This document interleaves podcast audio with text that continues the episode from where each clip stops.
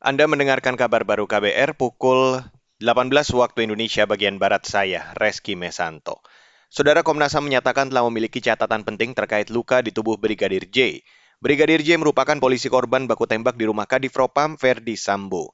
Verdi belakangan dinonaktifkan dari jabatannya, meski begitu, Komisioner Komnas HAM M. Hoirul Anam mengatakan saat ini tim belum dapat menyimpulkan dugaan pelanggaran hak asasi manusia karena proses penyelidikan masih berlangsung dan tahapannya belum lengkap. Tim telah memiliki catatan-catatan signifikan yang menunjukkan luka ini akibat apa, karakternya apa, konstrain waktu luka itu kapan terjadi, dan kira-kira luka itu diakibatkan oleh apa. Itu udah udah kami punya catatan yang yang lumayan dalam. Sebenarnya kami sudah punya duluan ya terus kami diskusikan dengan ahli yang ahli dok kedokteran forensik yang kami undang dan ini independen dan biasa berkomunikasi dengan Komnas HAM Komisioner Komnas HAM Hoirul Anam menambahkan, tim Komnas HAM masih akan menggali dan meminta keterangan mendalam dari dokter yang melakukan otopsi Brigadir J pada pekan depan.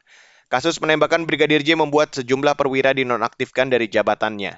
Selain Verdi Sambo, Kapolri Listio Sigit Prabowo juga menonaktifkan seorang jenderal dari jabatan di Mabes Polri, serta perwira menengah dari jabatan Kapolres Jakarta Selatan. Beralih ke berita selanjutnya, Saudara, Komisi 1 DPR mendorong pemerintah memberikan hak-hak atas informasi warga negara dengan menjamin koneksi internet di seluruh wilayah Indonesia. Ketua Komisi DPR Bidang Komunikasi dan Informatika Mutia Hafid mengatakan, Target pemerintah terkait koneksi internet 100% di tanah air harus diwujudkan tahun depan. Paling lama tahun depan, kita sudah bisa terkoneksi di 100% wilayah di tanah air. Karena informasi adalah hak semua manusia. Kalau kita lihat di pembukaan Undang-Undang Dasar, informasi dimasukkan ke dalam hak asasi manusia.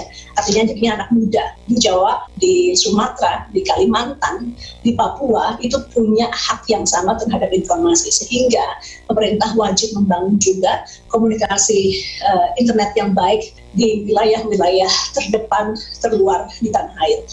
Komisi 1 DPR Bidang Kominfo Mutia Hafid menambahkan, ruang pengguna internet di Indonesia sangat besar. Menurut survei, orang Indonesia menghabiskan sepertiga waktu hidupnya atau 8 jam dalam satu hari dengan internet. Indonesia menjadi salah satu pengguna internet terbesar di dunia. Lebih dari 210 juta masyarakat Indonesia terkoneksi dengan internet atau sekitar 77 persen dari total penduduk di tanah air. Dengan tingginya angka tersebut, kata Mutia, Indonesia sebagai negara kepulauan harus segera mewujudkan merdeka internet di seluruh penjuru Nusantara. Saudara, program transportasi publik di Jerman menuai banyak respon positif dari masyarakat. Beberapa pekan lalu, pemerintah Jerman meluncurkan program transportasi publik dengan biaya sangat murah. Tiket transportasi publik dijual 9 euro atau sekitar 9 dolar Amerika Serikat per bulan. Tiket bisa dipakai untuk rute yang tidak terbatas. Dampaknya, Kemacetan yang kerap terjadi di perkotaan di Jerman mulai berkurang.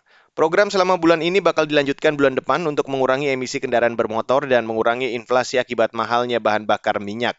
Reuters memberitakan berdasarkan data perusahaan navigasi TomTom, kemacetan di jam sibuk berkurang di 23 kota di Jerman.